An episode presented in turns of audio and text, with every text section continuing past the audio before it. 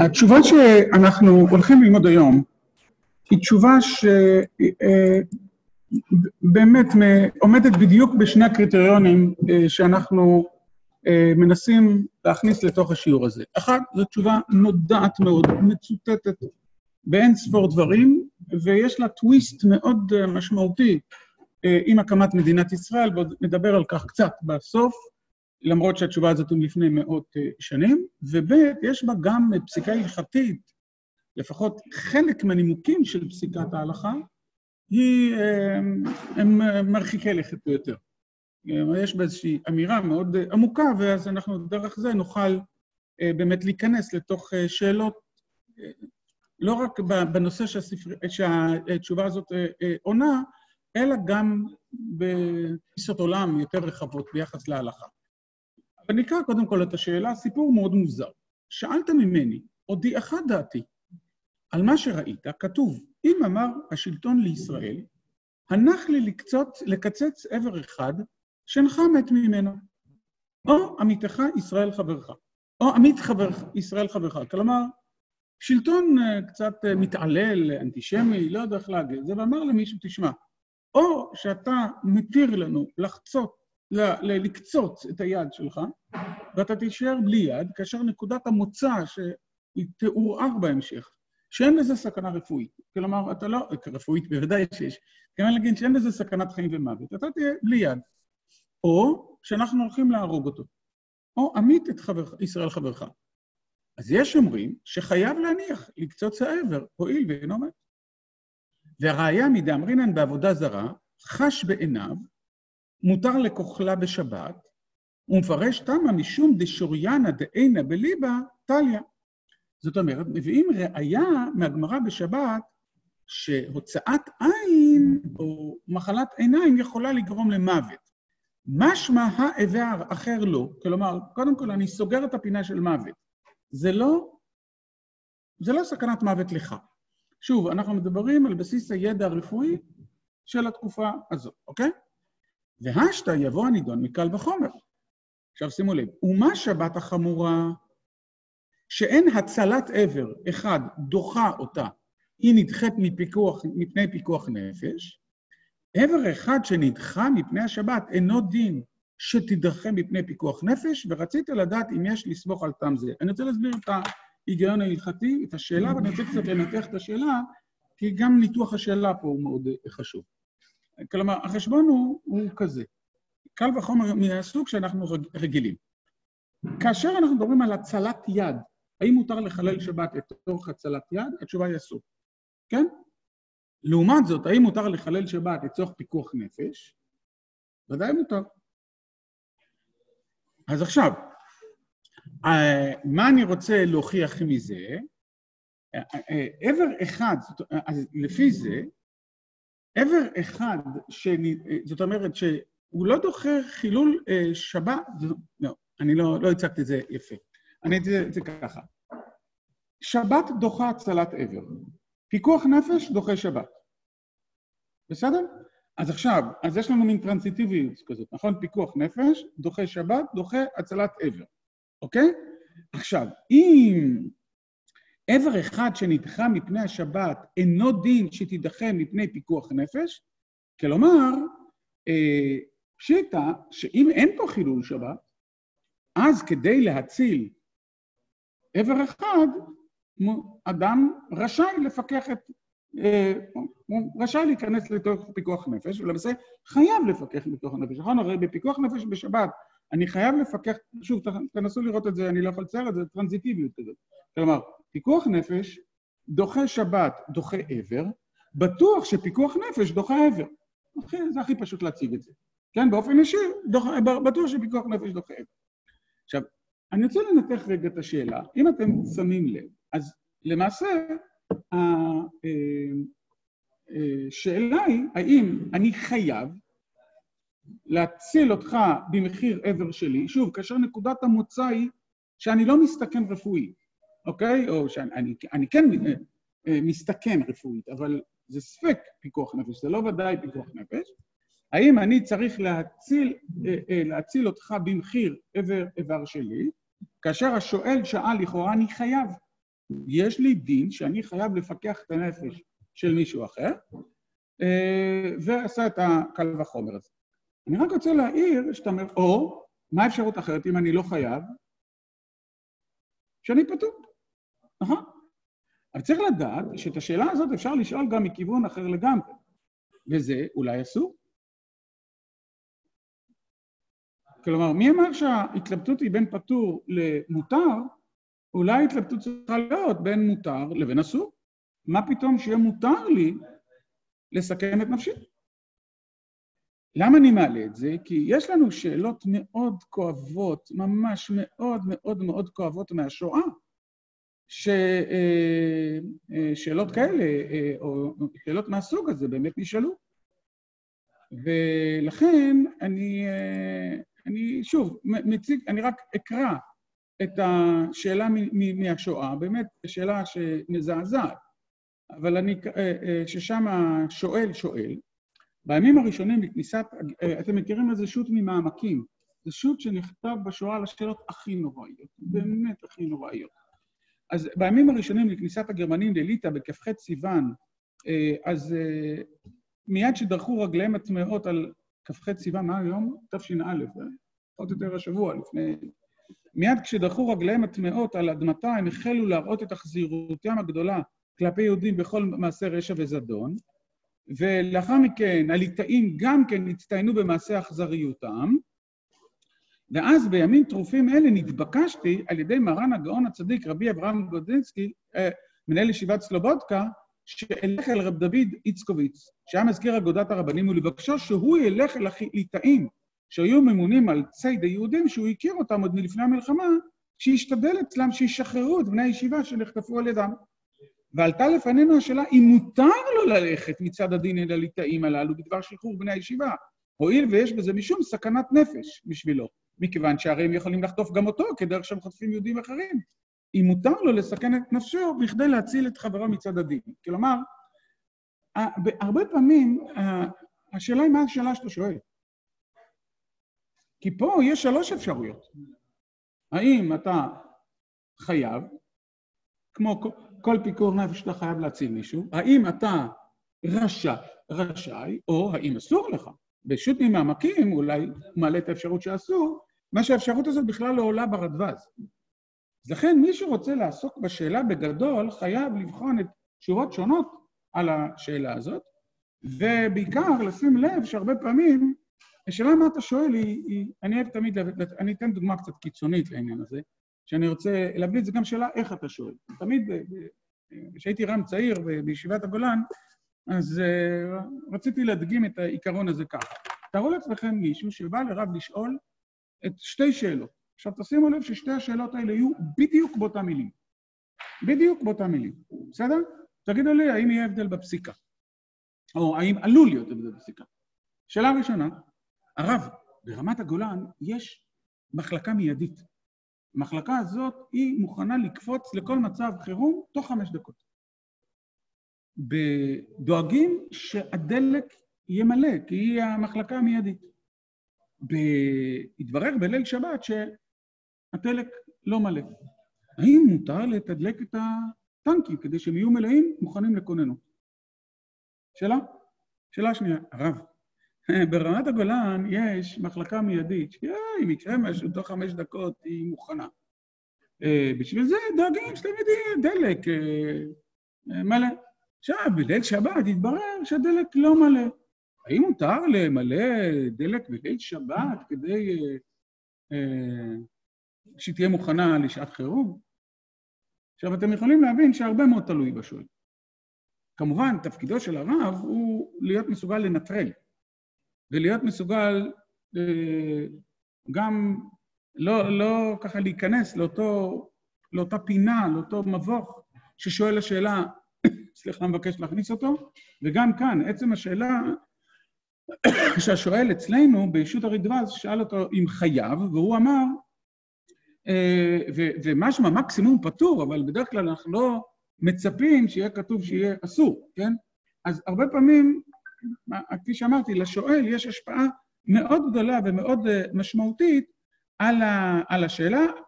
אנחנו, כפי שאמרתי, זה נושא ארוך מאוד בתשובות, בתשובות שונות, אבל אנחנו נלמד את התשובה של הרדווז, כי התשובה של הרדווז היא המצוטטת יותר מכל, באמת בעשרות פעמים ובעשרות מקומות ובהמון מאמרים, תכף תבינו גם למה.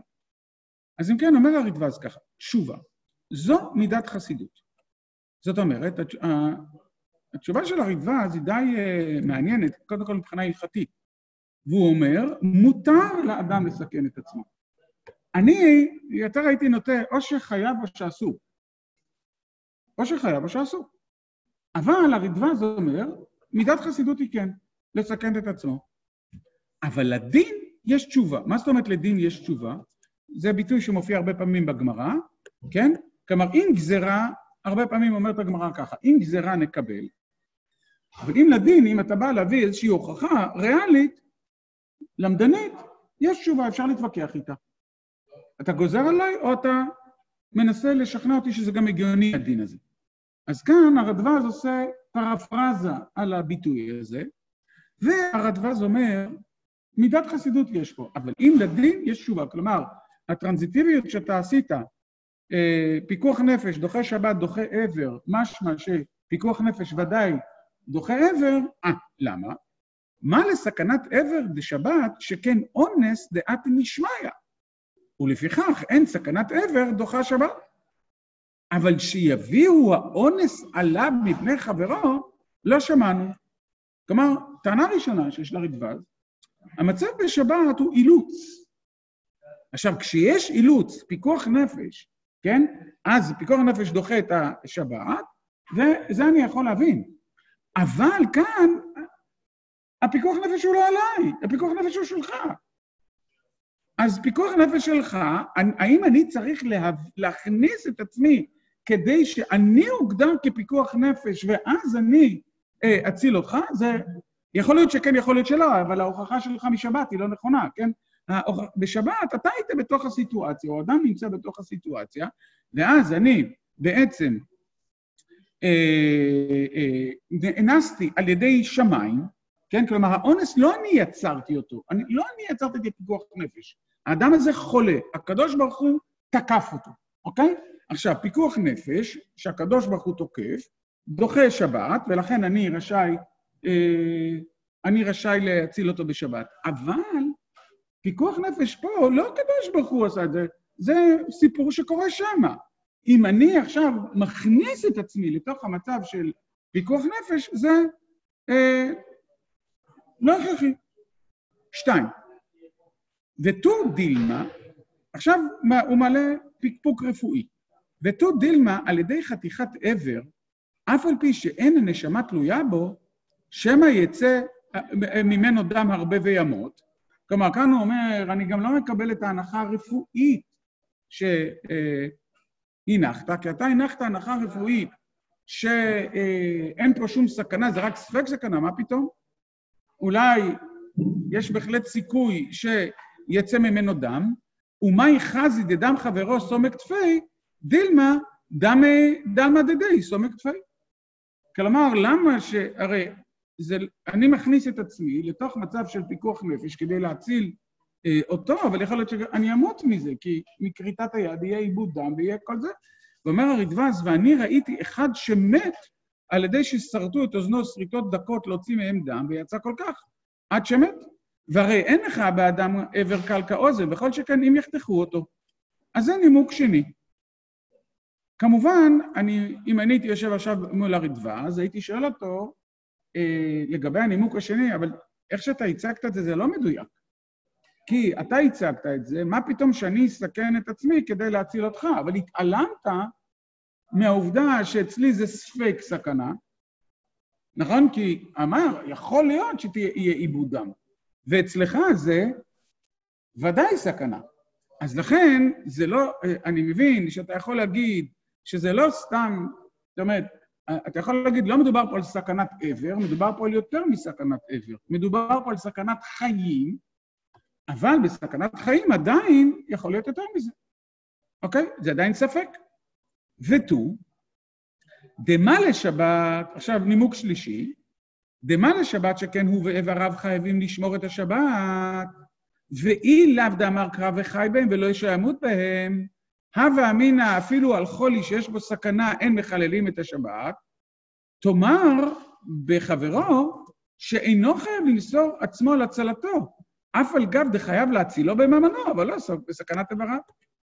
נימוק שלישי, אני חייב לשמור שבת. אז לכן יש לי לימוד שאומר שפיקוח נפש דוחה שבת. אבל אני, לא, אין שום מצווה שבה אני חייב להציל את חברי. כאן הוא מחדש חידוש, כן? אני חייב למסור את ממוני כדי להציל את חברי. אבל אין שום מצווה שמצווה אותי להציל, למסור את גופי כדי להציל את אה, חברי, ולכן זה. ותו, נימוק פורמלי, אני בכוונה קורא את הנימוקים האלה, כי על כל אחד מהם אפשר להתווכח. ותו דין עונשים מדין קל וחומר, ואין לך עונש גדול מזה שאתה אומר שיחתוך אחד מאיבריו מדין קל וחומר? ואשתא אומה מלכות אין עונשים מדין קל וחומר, כל שכן חתיכת איבר. כלומר, טענה פורמלית גם כן, אני לא רוצה כרגע להיכנס יותר מדי אליה, אתה לא לומד דינים כאלה מקל וחומר. דיני סכנת נפשות אתה לא לומד מקל וחומר. ותו, שהתורה אמרה פצע תחת פצע, קביעה תחת קביעה, ואף אפילו אחי חששו, שמא על ידי הקביעה ימות, והתורה אמרה עין תחת עין ולא נפש ועין תחת עין, ולכך אמרו, זה שמשלם ממון. והדבר ברור שיותר רחוק הוא שימות מן הקביעה יותר מעל ידי חטיית אבן, ואפילו אחי חיישינן לה כל שכן בנידון דידן, תדע שסכנת עבר חמירה. די תירו לחלל וכולי וכולי וכולי. אוקיי. עד פה אלה הם נימוקים פורמליים, הלכתיים. אגב, האחרון מאוד מרתק, אז לא, אני כן אסביר את האחרון. כידוע לכם, בתורה כתוב עין תחת עין. בתחילת פרק החובל יש שמונה שיטות בתנאים. איך הגענו מעין עין תחת עין לכסף, אוקיי? שמונה שיטות. אחת מהשיטות האלה היא ש...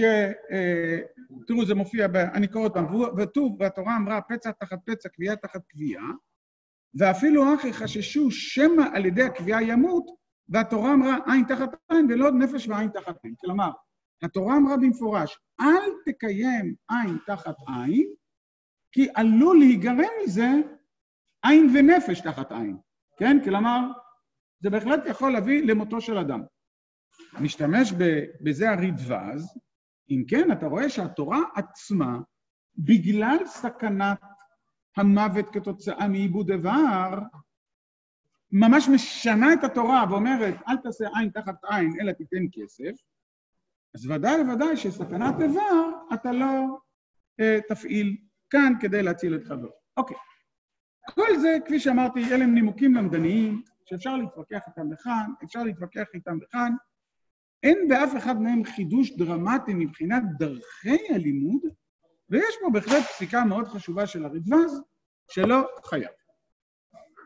ההפתעה הגדולה קורית בשורה הבאה. ותו, דכתיב דרכיה דרכי נועם, וצריך שמשפטי תורתנו יהיו מסכימים אל השכל והסברה. ואיך יעלה על דעתנו שיניח אדם לסמא את עינו או לחתוך את ידו או רגלו כדי שלא ימיתו את חברו. אתם אה, מצליחים להתרגש כמוני מהשורות האלה? אז אני אסביר למה השורות האלה באמת מאוד מאוד מרגשות. יש בשורות האלה גם עיקרון וגם יישום. אתם שמים לב שבהתחלה מופיע עיקרון. והעיקרון הוא התורה דרכיה דרכי נועם. כתוב שדרכיה דרכי נועם בכל נתיבותיה שלום. אומר הרדווז. מהו היישום של דרכי נועם? או אחד היישומים של דרכי הדרכי נועם, אומר הרדווז סברה שאנחנו מכירים בכל מיני אחרונים שגם הביאו אותה, אה, תכף עוד, אולי, אולי נביא אותה מאחד האחרונים, אבל קודם כל הרדווז, שהוא, אה, אולי לא הזכרתי את זה, אבל שהוא אחד מ... אה, אחד מראשוני ראשוני ראשוני האחרונים, והוא ממש, יש כאלה אפילו שרואים אותו עוד, עוד ראשון, אז, אבל אנחנו נתייחס אליו, כן? כפי שאמרתי, אחד מגדולי ה... מראשוני ראשוני ראשוני האחרונים. זה אומר, יש עיקרון, צריך שמשפטי תורתנו יהיו מסכימים אל השכל והסברה. וואו. זאת חלק מהיישום של דרכי נועם זה לא יכול להיות שהתורה תצווה אותנו לעשות משהו לא הגיוני. לא יכול. ואוקיי, שזו קביעה, וואו, מרחיקת לכת, בעיקר בימינו, שאנחנו מתווכחים, אוקיי, מי קובע מה זה הגיוני? כן? אה, אתה יכול לבוא עם המון אה, טענות. לא ייתכן שהתורה תאסור על ממזר להתחתן. אה, כלומר, היא תאסור עליו להתחתן, כי מה הוא חושב? זאת אומרת, אז איפה הגבולות של הריטב"א הזה? אבל לפני שאני שואל על הגבולות, אני רוצה שתשימו לב לחשיבות המשפט הזה. משפט, משפטי התורה, ולכן התשובה הזאת, כפי שאמרתי, מאוד מפורסמת, גם בגלל הנושא שלה, לנושא עוד מעט נחזור, אבל קודם כל לטיעון הזה. צריך שמשפטי תורתנו יהיו מסכימים אל השכל והסברה. זה קודם כל העיקרון. עכשיו, מהו יישום העיקרון במקרה שלנו, ואיך יעלה על דעתנו שיניח אדם לסמא את עינו או לחתוך את ידו או רגלו כדי שלא ימיתו את חברו. כלומר, לא יכול להיות שהתורה דורשת מאדם אחד להפסיד יד, להפסיד רגל, להניח שיחתכו לו את היד ואת הרגל כדי להציל את חברו. עכשיו, כמובן, אם הייתי יושב מול הרדווה, אז הייתי שואל אותו על שני החידושים של המשפט הזה. א', הייתי שואל אותו, מה שאמרתי מקודם, האומנם כל משפטי התורה מסכימים אל השכל והסברה? ואם הם מסכימים אל השכל והסברה, ככה? למדנו עכשיו זמן קיץ שלם מסכת סוטה. האם אה, דיני סוטה מסכימים לשכל ולסברה? כולם? זוכרים את השיעור הכללי של הרב תמיר בשבוע שעבר, ניסיון להסביר בשלושה ענפים? זאת שאלה אחת. שאלה שנייה, אבל נניח שזה נכון, זה כל כך ברור שהתורה לא תצווה עליי להפסיד יד כדי להציל את החיים של החלפה? כנראה שלריטב"א זה היה, האמת היא שיכול להיות שכן, יכול להיות שכן, אבל איך אתה קובע מהו אותו שכל וסברה שלאורם מדינת תורה לא רשאים לסתור. אני רוצה לתת עוד דוגמה של מי שכתב את זה גם כן בצורה, אחד מגדולי האחרונים, אני מדבר כרגע על המשך חוכמה. אני לא, לא, לא אכנס, אני לא רוצה כרגע ללמד את כל המשך החוכמה הזה, האמת היא שצריך ללמד את המשך החוכמה הזה, והמשך החוכמה שואל את השאלה, כידוע לכם, כולם יודעים להגיד שמצוות פרו ורבו חלה רק על גברים, לא חלה על נשים. הבעיה המרכזית היא שבתורה כתוב להפך. ויברך אותם אלוהים, ויאמר להם, פרו ורבו ומילאו את הארץ וכבשו. זה בלשון רבים? זכר ונקבה. מחדש המשך חוכמה, חידוש מדהים, ואומר, נכון, בפסוק הזה באמת כתוב, שגם איש וגם אישה מחויבים בפרו ורבו.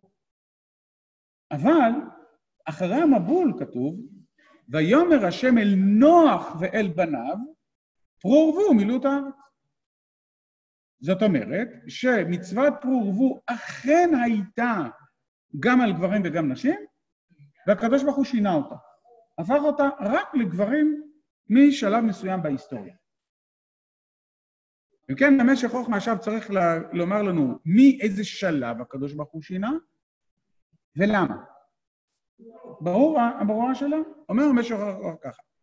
לא רחוק הוא לומר, השפטרה התורה, אני קורא, אין לכם את זה, אני קורא את זה מתוך פירושו לתורה, לא רחוק הוא לומר, השפטרה תורה נשים מפריה ורבייה וחייבה רק אנשים כי משפטי השם ודרכיו, דרכיה דרכי נועם בכל נתיבותיה שלום, כן, הוא מצטט בדיוק את הפסוק של הרדב"ז, ולא עמסה על הישראלי מה שאין ביכולת הגוף לקבל. כלומר, אומר המשך חוכמה, לא יכול להיות שהקדוש ברוך הוא יצווה על אנשים ללדת בגלל שזה נורא כואב. אני אקריא את זה בלשונו, ואם כן, נשים שמסתכנות בעיבור ולידה, לא גז... אני מדלג כמה מילים, לא גזרה התורה לפרוט, לצוות, לפרוט ולרבות על האישה. וואו. זה בדיוק אותו רעיון של הרדווז. מוצאים קשר? ואז למה הקדוש ברוך הוא משנה רק אחרי נוער? יפה, תענה אתה. למה מתחילת הבריאה כן צוותה האישה ועכשיו לא? יפה. עזוב, זה לא, לא רלוונטי. כמה פסוקים. למה, הקדוש ברוך הוא המתין? כי רק אז הקדוש ברוך הוא נתן מצוות. בסדר, אבל הסיבה. השאלה שלך מצוינת. בפרק א' של ספר בראשית, עוד לא בעצב תלדי בנים. רק אחרי בעצב תלדי בנים, אז זהו צבא, נוח ובניו. עכשיו, זה חידוש ענק מבחינה פרשנית, אבל זה באותו כיוון. זה באותו כיוון, אוקיי? אז אה, בואו רק נסיים את התשובה ואז ננתח את אה, משמעותה. אני חוזר ל, ל, לתשובה שלנו. אז אה, אה, מסיים זה. הילקח איני רואה טעם לדין זה, אלא במידת חסידות, ואשרי חלקו מי שיוכל לעמוד בזה. אבל, ואם יש סכנת, ספק סכנת נפשות, הרי זה חסיד שוטה. אני מזכיר לכם שהביטוי חסיד שוטה כתוב במסכת, מה? סוטה, בדיוק, נו, יכולתם לדעת כשאני מתכוון לזה. כן, כתוב במסכת סוטה, דספיקא דידי עדיף מוודאי דחברי. אוקיי? עכשיו, הבאתי פה עוד תשובה של הרדווז, הוא הולך באותו כיוון. אה, בואו נקרא קצת.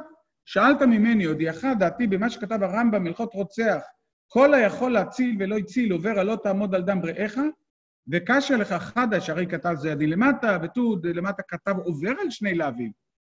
אז שוב, מה שכתב הרב זלקו יכול להציל איירה במי שיכול להציל להדיא, ולא שיסתכן המציל כלל. כגון שהיה ישן תחת כותל רעוע, שהיה יכול להעירו משנתו ולא העירו, או כגון שיודע לו עדות להצילו, עבר הלא תעמוד על דם רעך.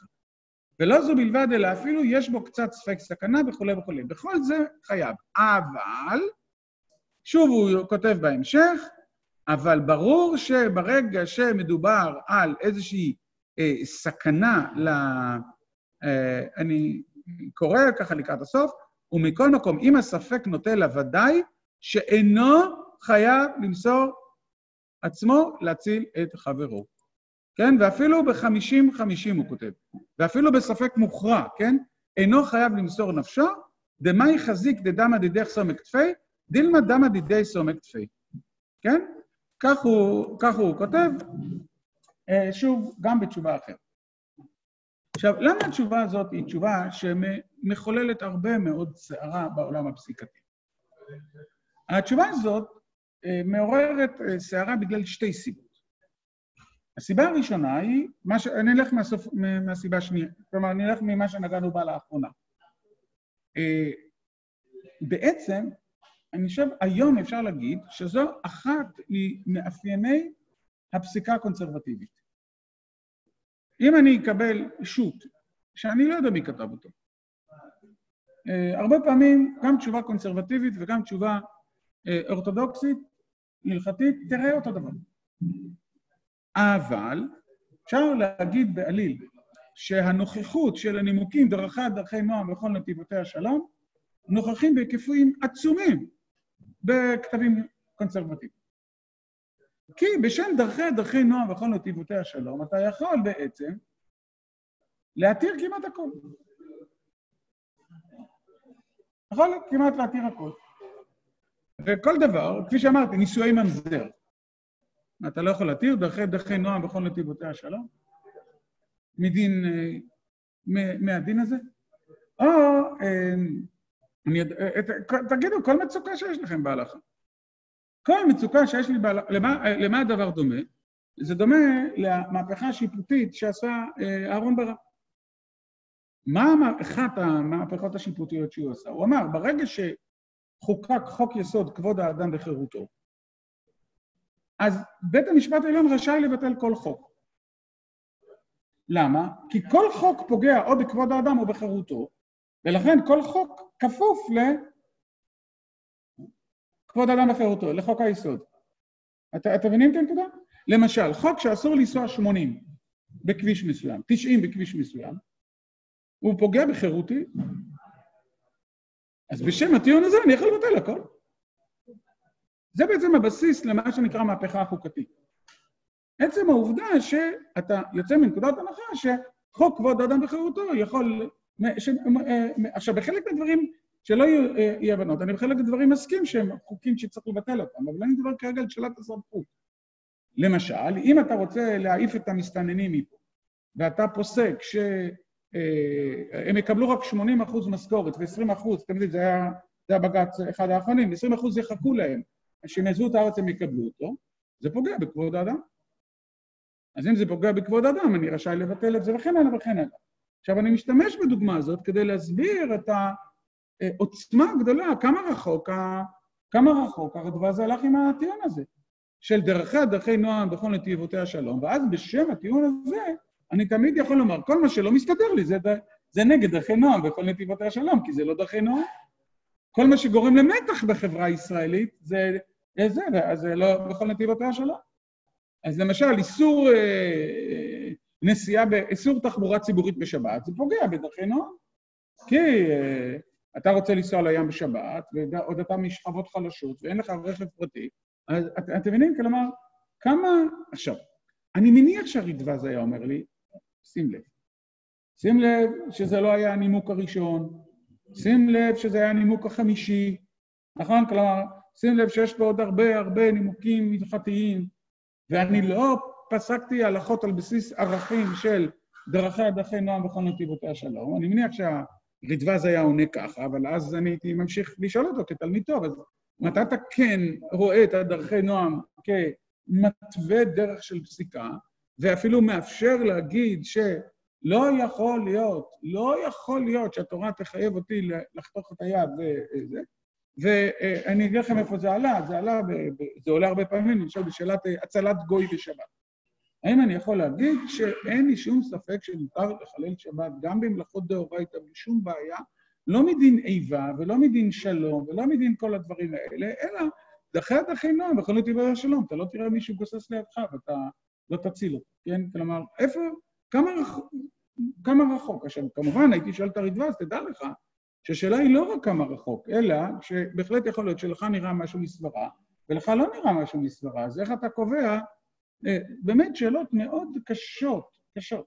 אבל אני חוזר עוד פעם ואומר, אתה, היום הם, המינוחים האלה מאוד מאפיינים פסיקה כזאת של ערכים ושל רעיונות ושל דרכי דרכי נועם בכל נתיבותי השלום, בהתכחשות לשפה הפנימית המאוד מאוד מהודקת של ההלכה, מצד שני, הרדווז כותב את זה, זה כמובן לא המקום היחידי שאנחנו מוצאים בפוסקים דרכי, דרכי נועם, ושוב, אני רוצה להזכיר לכם את, את דברי המשך חוכמה. במשך חוכמה אה, ממשיך לתת עוד דוגמאות שמכוחם באמת, אה, אני אתן לכם דוגמה מדיני ייבום, שהגמרא אומרת, מה קורה, הרי כדור לכם אם אישה, אה, בעלה נפטר, והיא אה, והיא אה, אה, מתה בלי, אה, סליחה, והיא נותרת בלי ילדים, אז היא חייבת בייבום, נכון? אם נולד לילד, היא פטורה מהייבום. מה קורה אם הילד נפטר? כלומר, בעלה נפטר, הילד נפטר, אז גם כן, הגמרא אומרת, לא יכול להיות שאנחנו נחייב אותה עוד פעם להתייבם אחרי שהיא השתחררה, כי דרכי דרכי נועם בכל נתיב... כלומר, אנחנו רואים שיש פסקים הלכתיים שמבוססים על זה, כן? אז אם כן, זו באמת שאלה ענקית. לכן הרדווז הזה, התשובה הזאת מאוד ידועה, כי כאן הוא פוסק משהו ש... כלומר, זה נימוק כל כך עוצמתי, כי הוא גם אומר, לא יכול להיות שהתורה תסתור משהו שתחייב אותנו לעשות משהו שהוא מנוגד לדרכי נועם, אז זה משהו כל כך עוצמתי, כל כך חזק, כל כך מרכזי, וגם מיישם אותו על עניין של פיקוח נפש, ואומרת, לא יכול להיות שהתורה תצווה מישהו מאיתנו להקריב את היד שלו כדי להציל את החבר, של, החבר שלו, לא יכול להיות. זה דבר אחד שהרדב"ז הזה מאוד. שתיים, הרדב"ז הזה גם מאוד מאוד ידוע ומצוטט בגלל הנקודה השנייה שבו, שכפי שאמרתי בתחילת השיעור, הקמת מדינת ישראל קצת שינתה את זה. כי, הבה נניח שאני עכשיו בקורונה, לא נניח, אתם תראו, מי שרוצה יכול לראות את זה ב... ב בצוהר, ל, ל, בתשובות, בצוהר לאתיקה, בתשובות בענייני אה, אתיקה בקורונה, הבה נניח שרופא עכשיו שואל, האם אני רשאי להתפטר? האם אני חייב לטפל, כן, אין, צי, אה, אין ציוד מגן מספיק טוב, או אפילו אם יש ציוד, ציוד מגן מספיק טוב, האם אני רשאי להתפטר? לפי הרדב"ז הזה.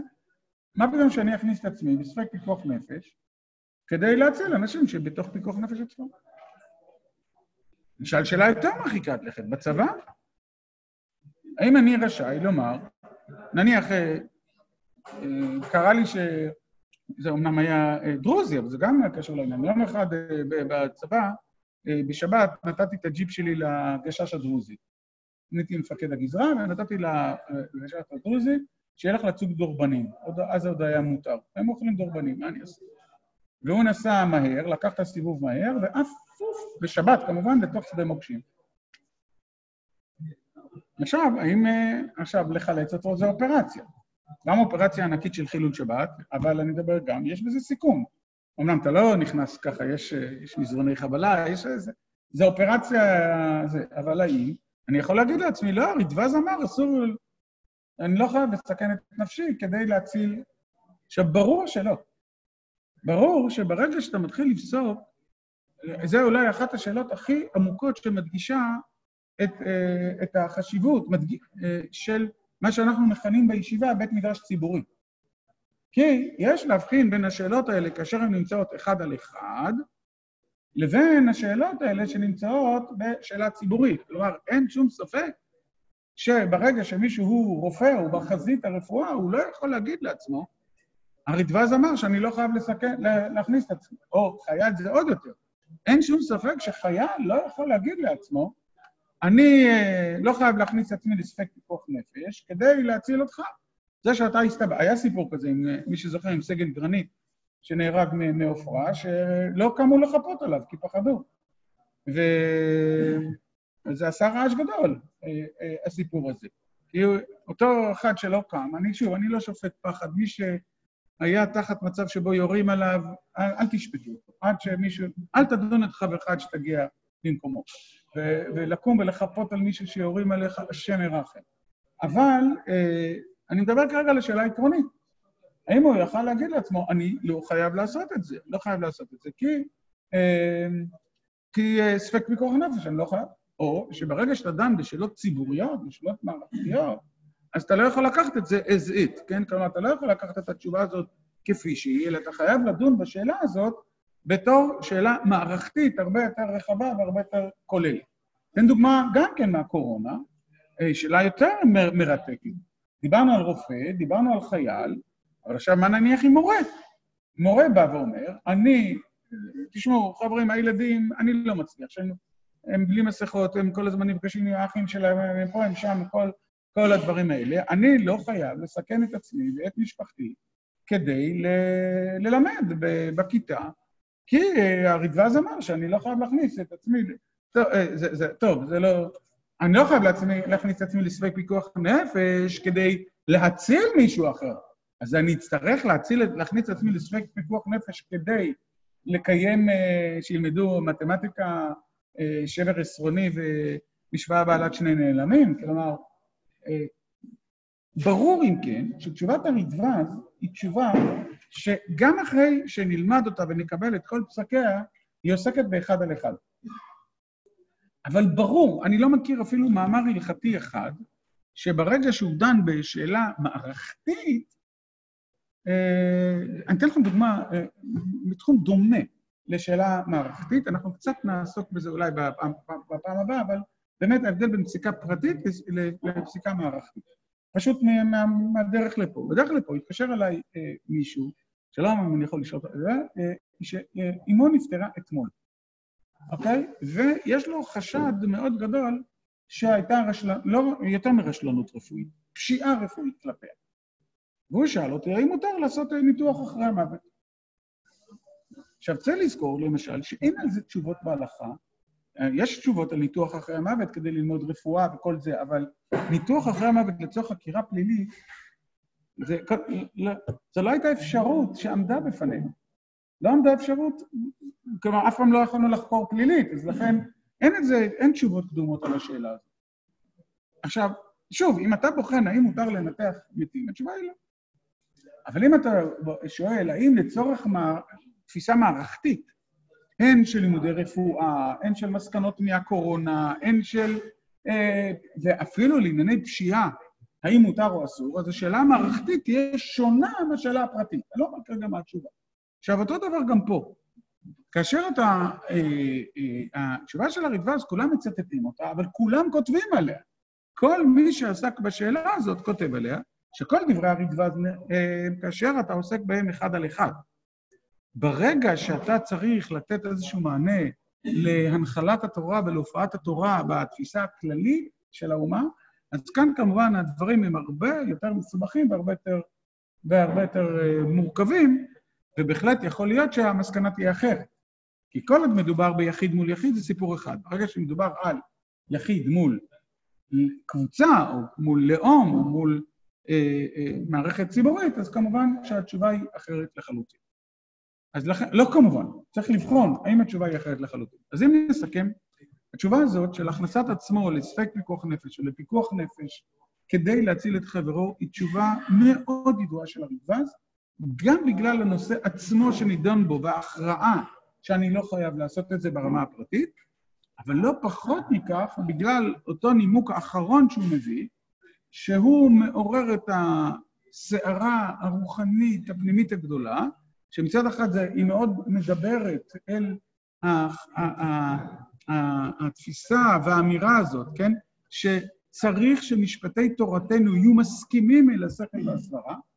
מצד שני, בשם המשפט הזה אפשר למוטט את כל עולם ההלכה ואת כל היסודות האלה, ועכשיו אנחנו צריכים להכריע בין אה, איפה, איפה הגבול של הדבר הזה, עד כמה יש לשים לב שזה באמת מופיע כנימוק אחרון של הרידווז, עד כמה בכל זאת לצד השני זה מופיע כנימוק שלא סתם מזכיר את זה כאיזשהו דרך אגב, אלא הוא אומר, זה אה, צריך שיהיה משפטי התורה, כן? משפטי תורתנו, כלומר הוא מדבר בשפה כללית, והתשובה הזאת היא מאוד מאוד מאתגרת ומאוד חשובה בתולדות הפסיקה ובהתחשבות בדרכי הדרכי נועם בכל נתיבותיה שלום. אם יש למישהו שאלות? שכוח. תודה רבה רב.